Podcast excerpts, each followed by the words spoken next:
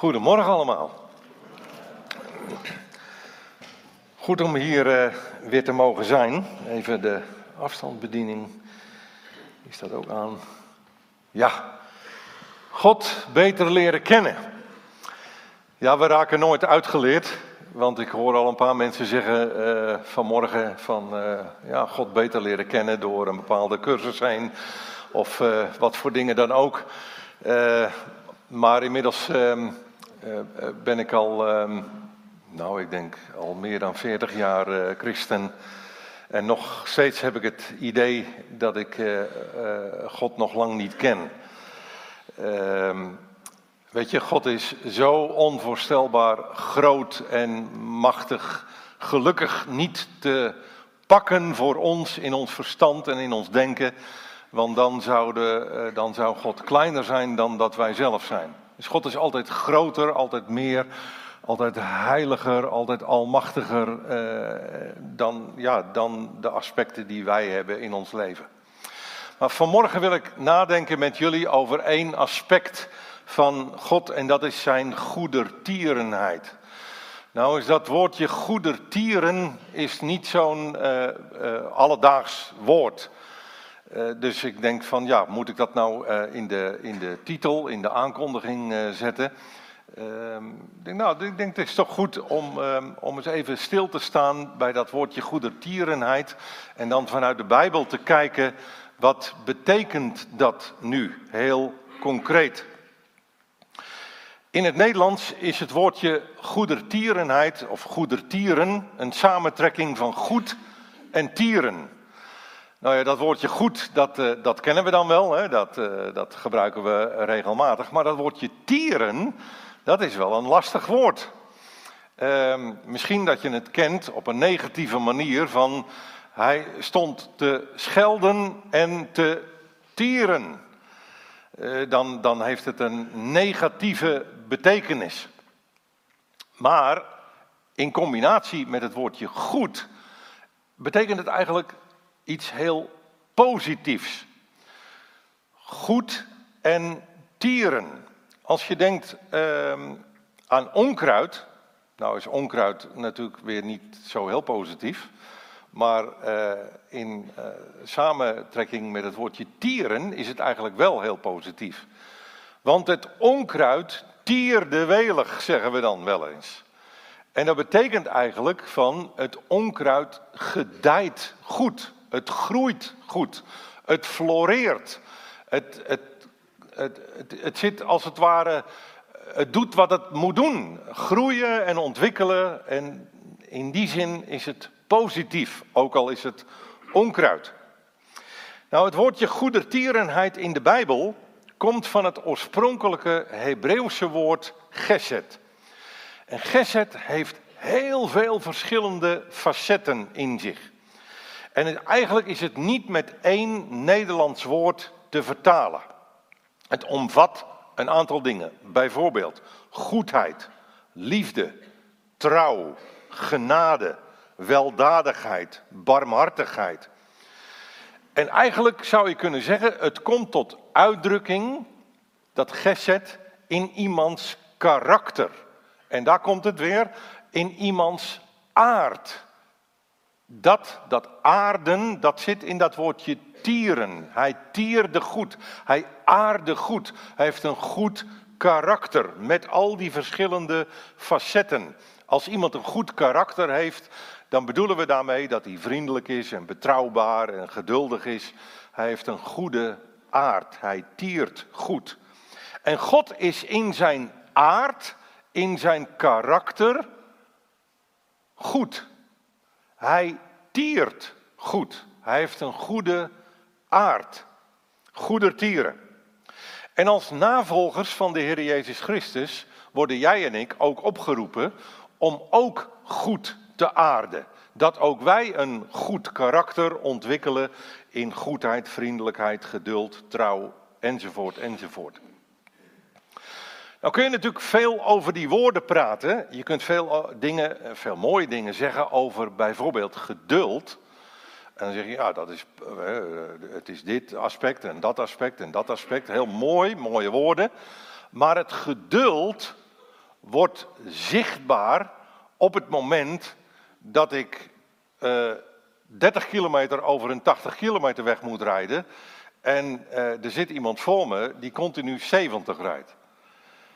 Dan wordt mijn geduld op de proef gesteld, zeg maar. En dan wordt het zichtbaar wat het woordje geduld nou eigenlijk met mij doet. Want daar gaat het uiteindelijk om. Wat doet het met mij en hoe vormt het mij en hoe helpt het mij?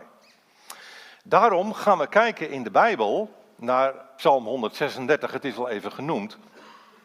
Um, omdat Gods goedertierenheid daarin beschreven wordt en het daarin zichtbaar wordt. Dat je er niet alleen maar mooie dingen over zegt, maar wat betekent het nu dat God goedertieren is in de praktijk van het leven?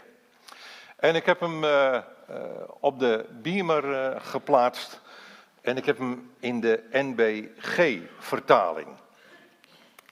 Looft de Heere, want hij is goed. Tof staat er eigenlijk. want zijn goedertierenheid is tot in eeuwigheid. Loof de God der goden, want zijn goedertierenheid is tot in eeuwigheid. Loof de Heere der heren, want zijn goedertierenheid is tot in eeuwigheid. Hem die grote wonderen doet, hij alleen, want zijn goedertierenheid is tot in eeuwigheid. Die met verstand de hemel schiep, want zijn goedertierenheid is tot in eeuwigheid. Die de grote lichten maakte, Sorry, die de aarde op de wateren uitbreidde, want zijn goedertierenheid is tot een eeuwigheid. Die de grote lichten maakte, want zijn goedertierenheid is tot een eeuwigheid. De zon tot heerschappij over de dag, want zijn goedertierenheid is tot een eeuwigheid. De maan en de sterren tot heerschappij over de nacht, want zijn goedertierenheid is tot een eeuwigheid. Die Egypte sloeg in zijn eerstgeborenen, want zijn goedertierenheid is tot in eeuwigheid en Israël uit hun midden uitleiden. Want zijn goedertierenheid is tot in eeuwigheid. Met sterke hand en met uitgestrekte arm. Want zijn goedertierenheid is tot in eeuwigheid. Die de Schelfzee in tweeën sneed. Want zijn goedertierenheid is tot in eeuwigheid. En Israël er midden door deed trekken. Want zijn goedertierenheid is tot in eeuwigheid. En Farao met zijn leger in de Schelfzee stortte want zijn goedertierenheid is tot in eeuwigheid. Die zijn volk door de woestijn voerde, want zijn goedertierenheid is tot in eeuwigheid. Die grote koningen versloeg, want zijn goedertierenheid is tot in eeuwigheid. En geweldige koningen doden, want zijn goedertierenheid is tot in eeuwigheid. Sigon, de koning der Amorieten, want zijn goedertierenheid is tot in eeuwigheid. En Och, de koning van Bazan, want zijn goedertierenheid is tot in eeuwigheid. Die hun land ten erfdeel gaf, want zijn goedertierenheid is tot in eeuwigheid. Ten erfdeel aan Israël, zijn knecht, want zijn goedertierenheid is tot in eeuwigheid. Die in onze vernedering, onze gedacht, want zijn goedertierenheid is tot in eeuwigheid. En ons aan onze tegenstanders ontrukte want zijn goedertierenheid is tot in eeuwigheid. Die spijze geeft aan al wat leeft, want zijn goedertierenheid is tot in eeuwigheid. Loof de God des hemels, want zijn goedertierenheid is tot in eeuwigheid. 26 keer. Om het uh, vers te houden in onze gedachten, zijn goedertierenheid is tot in eeuwigheid. Ik heb ervoor gekozen om vanmorgen deze psalm in vijf stukjes op te knippen. Dus uh, uh, dat, dat is niet heilig of zo, dat is niet per se dat je hem zo moet indelen. Maar uh, ik heb hem iedere keer een paar versen even bij elkaar genomen, uh, omdat ze in mijn optiek hetzelfde onderwerp een beetje bespreken. Dus we gaan in vijf stapjes door deze psalm heen. En de eerste stap die we zien, dat heeft te maken met wat vanmorgen ook al even genoemd is vanuit het boek Openbaring, aanbidding. De eerste drie versen. Daarin worden we opgeroepen om te aanbidden. Loof de Heere, want hij is goed. Loof de God der goden. Loof de Heere der heren. En ik wil proberen om het heel praktisch te maken naar u toe. De reden die hier beschreven wordt dat we opgeroepen worden om te aanbidden, dat is steeds omdat het goede karakter van God naar voren komt, zichtbaar wordt. Aanbidden vanwege zijn goedheid, vriendelijkheid, trouw, geduld, enzovoort, enzovoort.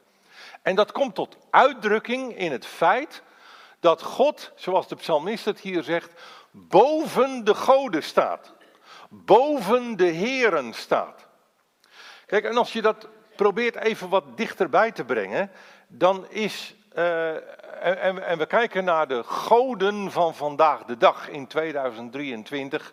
En dan denk ik aan geld, aan seks, aan macht, aan prestatie, aan schoonheid, aan gezondheid. Dan, dan beloven al die, die grote dingen, al die grote thema's, die beloven je als het ware van alles en nog wat in deze wereld. Kijk maar naar, uh, naar de tijdschriften en naar de kranten, uh, de radio, de televisie, social media. Die staan barstensvol met allemaal aantrekkelijke dingen die ons naar zich toe willen trekken om een van die moderne goden te gaan vereren. Uh, een advertentie, wij hebben de beste botox en fillers.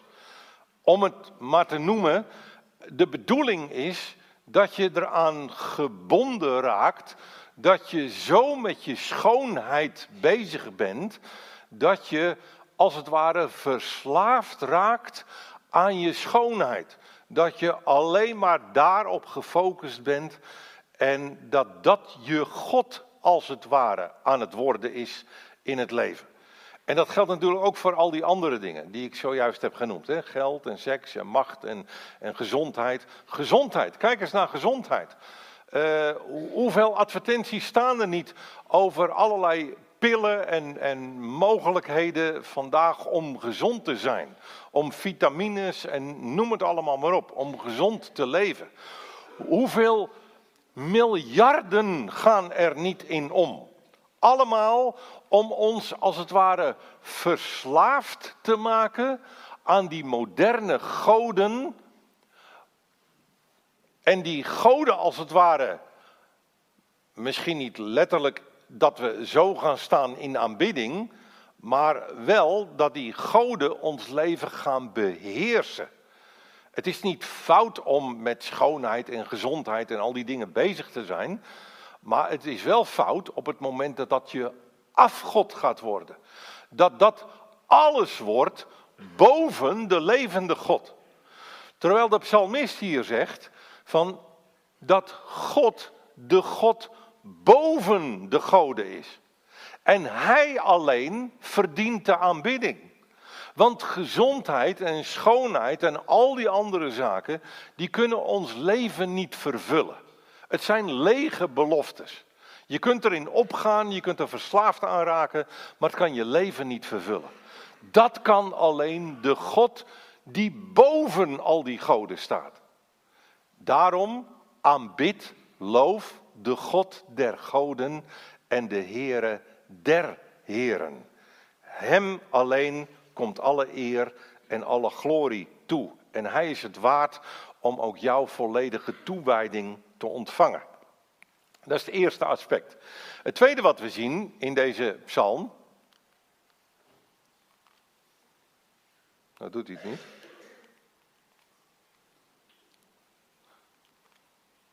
De collecte. We gaan even naar puntje 2, denk ik. Oh. Waar gaan we heen? Ik heb geen idee. Kan iemand dat uh, regelen? Ja, daar komt hij aan.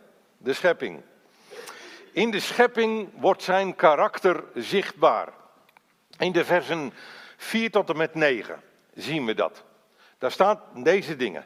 Hem die grote wonderen doet, hij alleen, die met verstand de hemel schiep, die de aarde op de wateren uitbreidde, die de grote lichten maakte, de zon tot heerschappij over de dag en de maan en de sterren tot heerschappij over de nacht. Al die versen hebben te maken met de schepping. En in de Bijbel verwijst, of de Bijbel verwijst heel vaak naar de schepping als een beeld van de enorme grootheid van God. God is groot in zijn almacht en dat wordt zichtbaar in de schepping. Dus als we naar de schepping kijken, dan zien we iets van de grootheid en de goedertierenheid van het goede karakter van God. Ook al is de schepping aangetast en hebben we te maken met uh, klimaatproblematiek en noem het allemaal maar op. Toch zien we in de schepping nog heel veel van het goede karakter van God. En op een geraffineerde manier heeft de Satan het geloof in de schepping volledig onderuit gehaald en de theorie van de evolutie wordt overal ter wereld onderwezen. Uitgebreid onderwezen als zijnde de waarheid. En de Satan wil de aanbidding van God als het ware roven en naar zich toetrekken en de schepping op die manier degraderen. Terwijl de Bijbel en de psalmist hier zegt, als je kijkt naar de schepping, dan zie je juist, als je daarin gelooft in de schepping, iets van het goede karakter van God zelf. Want hij aardt goed. Hij is goedertieren. Ik weet niet of je eh, wel eens op vakantie eh, bent geweest naar het buitenland. Ik, ben, ik heb eh, in april nog in de Negev-woestijn gestaan in Israël. En ik kon bijna niet stoppen met het maken van foto's. Zo indrukwekkend, zo mooi. En dan zie je daarin iets van het karakter van God. Op die manier leer je God beter kennen als je daarnaar kijkt. Derde punt, de verlosser. Durf ik nog te drukken? Ja, de verlosser. In de versen 10 tot 15. Die Egypte sloeg in zijn eerstgeborene, Israël uit hun midden uitleidde, met sterke hand en met uitgestrekte arm, die de Schelfzee in tweeën sneed en Israël er midden door deed trekken en Farao met zijn leger in de Schelfzee stortte. Weet je, God is erop gericht om mensen te verlossen. Hier gaat het natuurlijk specifiek om het volk Israël vanuit Egypte te leiden. Maar God wil mensen verlossen van zonde, van het kwade. Uh, en hij wil het kwade teniet doen. En hij doet dat vanwege zijn goede karakter. Het zit in zijn karakter om te verlossen en om het kwaad weg te breken. Dat is wat hij hier doet. En jouw verlossing en mijn verlossing staan in rechtstreekse verbinding met het goede karakter van God. Kijk maar wat hier staat in Titus, hoofdstuk 3, vers 3 tot 7. Want vroeger waren ook wij verdwaasd ongehoorzaam, dwalende, verslaafd aan velelei begeerte en zingenot, levende in boosheid en nijd, hatelijk en elkander hatende. Maar, en hier komt hij, toen de goedertierenheid en mensenliefde van onze heiland en God verscheen, waar gaat het hier over? Dit is kerstfeest.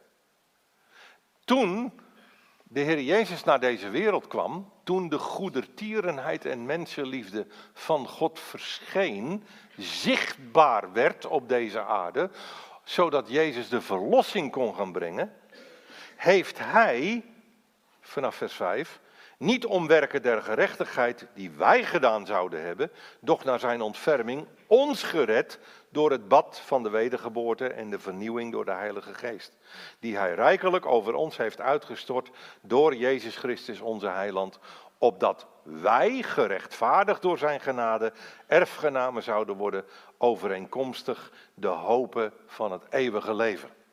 Eigenlijk zou je kunnen zeggen, dit is het hele evangelie in een notendop.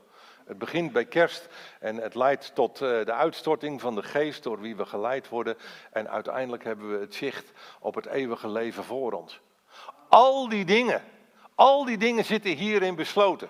En dat is vanwege het feit dat de goedertierenheid en mensenliefde van God zichtbaar werd. Tastbaar werd. En jouw en mijn redding hebben alles hiermee te maken. En hoe concreet is dat? Nou, dat is zo concreet dat als ik de zaal inkijk en ik zie jou zitten en jij die gered bent door de Heer Jezus Christus, dan, dan zie ik in jou iets van het karakter van God. Omdat God jou verlost heeft. En omdat hij ook mij verlost heeft, kan ik makkelijker daardoor met ogen van genade kijken naar jou als mijn broeder of zuster, als we een conflict op een gegeven moment zouden hebben.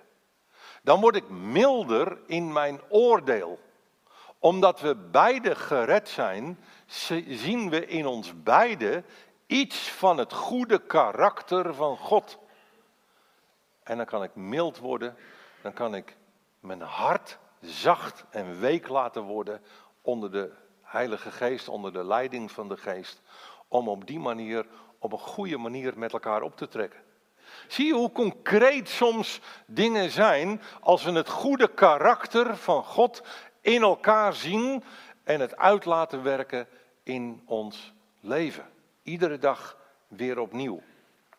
Nou, dat helpt ons. Het vierde punt wat we zien, daar heb ik één vers volgenomen uit die psalm. Nogmaals, je mag het ook op een andere manier indelen. Maar ik dacht van dit vind ik wel een belangrijk punt wat hier nog even aangetipt wordt in deze psalm. Die zijn volk door de woestijn voerde of leidde, zoals de uh, herziene statenvertaling het zegt. Weet je, toen ik uh, in april in de, in de Negev-woestijn was, toen waren daar allemaal prachtig aangelegde wegen. en er stonden overal richtingaanwijzerborden. dus ik wist precies waar ik heen moest. en en al die, over al die geplaveide wegen. Toen Israël daar doorheen trok, toen waren daar misschien wel een paar handelswegen van de, eh, van de ene plaats naar de andere plaats. Maar voor de rest was het één grote woestenij en er stonden al helemaal geen borden. Dus de Heilige Geest, God, moest als het ware het volk leiden welke koers, welke richting ze op moesten. Ook dat zit in het karakter van God, dat hij wil leiden. En dat betekent heel concreet weer voor jou en voor mij, dat als wij God kennen in ons leven, dat God wil leiden. Hij wil jou sturen door het leven. Hij wil je helpen door het leven. Hij wil je richting geven. En of dat nu te maken heeft met het zoeken naar. Uh, van wat moet ik doen na deze opleiding, welke, welke vakgebied moet ik gaan eh, bestuderen, waar, wil, waar zou God me willen hebben. Of dat het gaat om problemen in je huwelijk waar je niet uitkomt en dat je zegt van, ja maar heer, hoe moet het nu verder en ik, ik weet het ook niet meer, ik zie er geen gat meer in. Dat je op zoek gaat naar de leiding van God, eventueel samen met anderen, maar op die manier want het zit in het karakter van God om je op de goede weg te gaan leiden.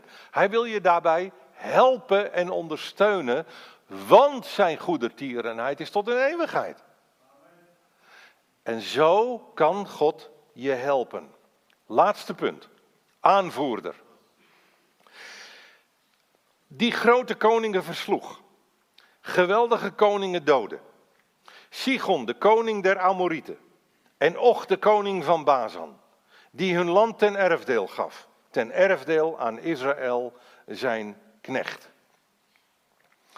Hier worden, wordt beschreven hoe goddeloze koningen werden verslagen in die tijd, waardoor het volk werd bevrijd van het juk en het land aan Israël werd geschonken.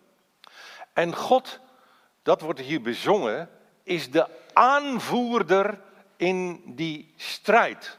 In al die ontwikkelingen van oorlogen en van koningen en machthebbers die op dat moment heersten en landen. Als we vandaag kijken, 2023, in deze wereld, en we kijken vandaag naar de grote machthebbers van deze wereld, de denkers, de influencers, de mensen die macht uitoefenen over deze wereld, dan zien we hoe de mensheid in totaliteit over de gehele aarde daar enorm onder lijdt. Ik kan het niet anders zeggen. De wereld lijdt onder de machthebbers en de influencers van 2023.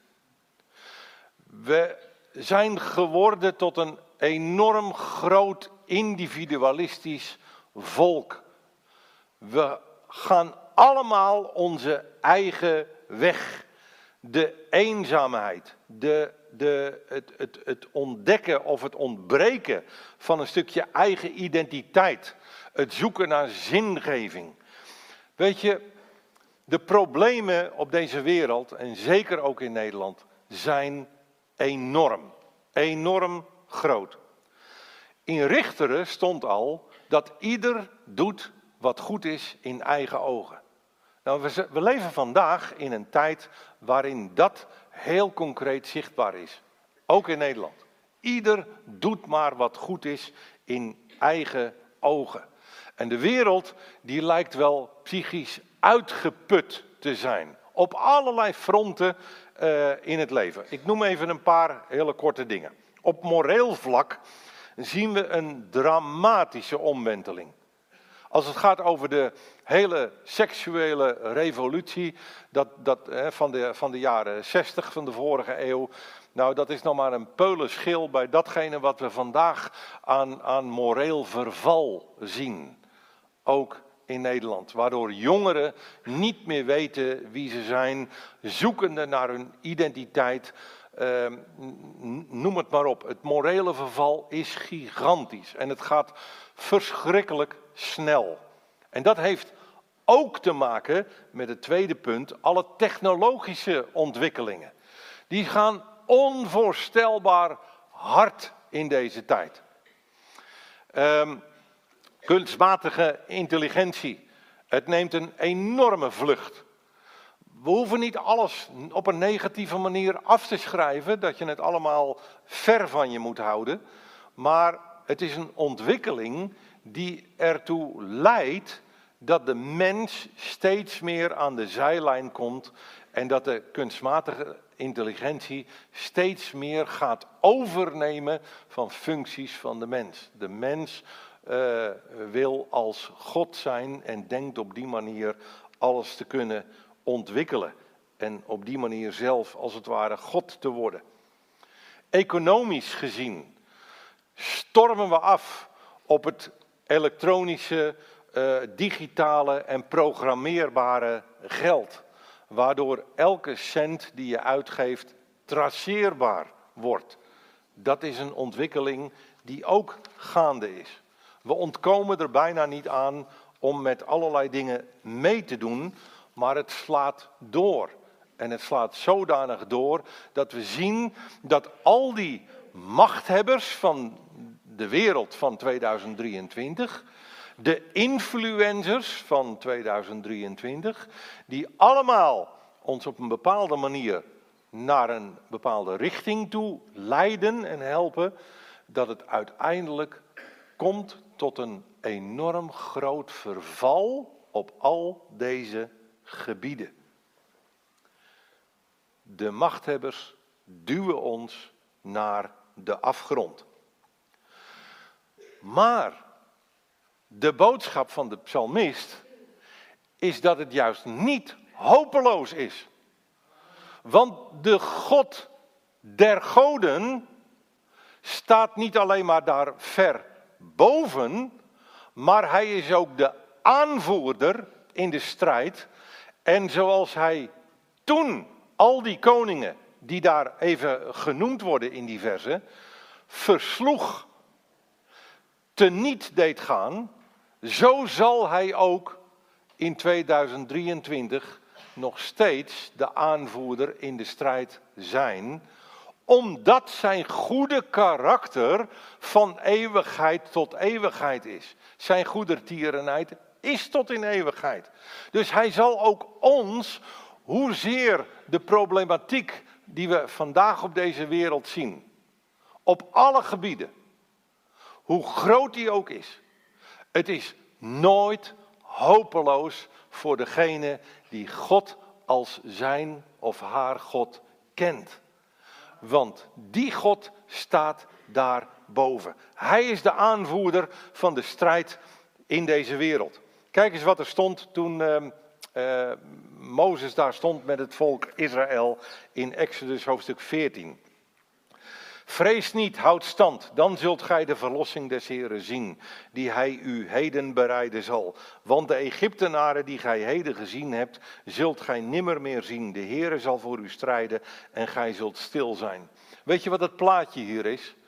Het plaatje is dat Israël zojuist bevrijd was uit Egypte. En ze vertrekken uit Egypte en dan komen ze voor de Rode Zee te staan. En ze kunnen geen kant meer op. En ze staan voor de Rode Zee en ze kunnen niet oversteken. En achter zich komen de Egyptenaren aan om ze te verslaan en om ze allemaal uh, in de pan te hakken. Dat is, dat is het beeld. Dat is waarvoor ze staan. Dat is wat er gebeurt op dat moment. Het is een hopeloze situatie. Al die machthebbers, die komen allemaal op en af. Zij kunnen geen kant meer op. Maar is het hopeloos? Nee, het is niet hopeloos. Want, zegt de Heere, de Heere zal voor u strijden en gij zult stil zijn. Dat is ook in 2023. Als je al die dingen op je af ziet komen. Het is de levende God die zegt, ik, ik bepaal. Ik ben de aanvoerder in de strijd. En ik zal blijven leiden en ik leid mensen tot de vrijheid. Ook al is er een enorme zee die voor ons ligt, waar we niet doorheen kunnen, zomaar vanuit menselijke kracht. Maar als God gaat ingrijpen, dan wordt die vrijheid volledig. En dan sluit de psalmist af met die laatste paar versen, die in onze vernedering onze gedacht en ons en onze tegenstanders ontrukte, die spijze geeft aan al wat leeft. Loof de God des hemels. Eigenlijk staat hier, God die komt jou en mij tegemoet. Op het moment dat wij nederig ons hart, onze knieën voor Hem buigen. En zeggen, Heere, ik wil alles in mijn leven aan U toevertrouwen. Ook al mijn zorgen over alle ontwikkelingen die ik zie over mijn eigen leven, over het leven van mijn kinderen, over het leven van mijn kleinkinderen. Ik wil het voor uw troon brengen. U staat erboven. Ik mag u tegemoet treden in mijn nederige staat, omdat Hij het in de handen heeft. En Hij gaat voor en Hij voert de strijd. En Hij ontrukt je en bevrijdt je van alles wat de Satan in deze wereld aan het kapot maken is. God geeft je alles wat je nodig hebt. En daarom eindigt de psalm zoals de psalm is begonnen met looft de Heere, looft de God des hemels. Aanbidding voor Hem, die levende God. En ik hoop dat je hierdoor iets hebt mogen zien van het goede karakter van God. En dat dat het je sterkt en dat je op die manier weer kracht hebt om te zeggen, wat er ook aan deze nieuwe week voor me ligt, ik ga met God. Amen.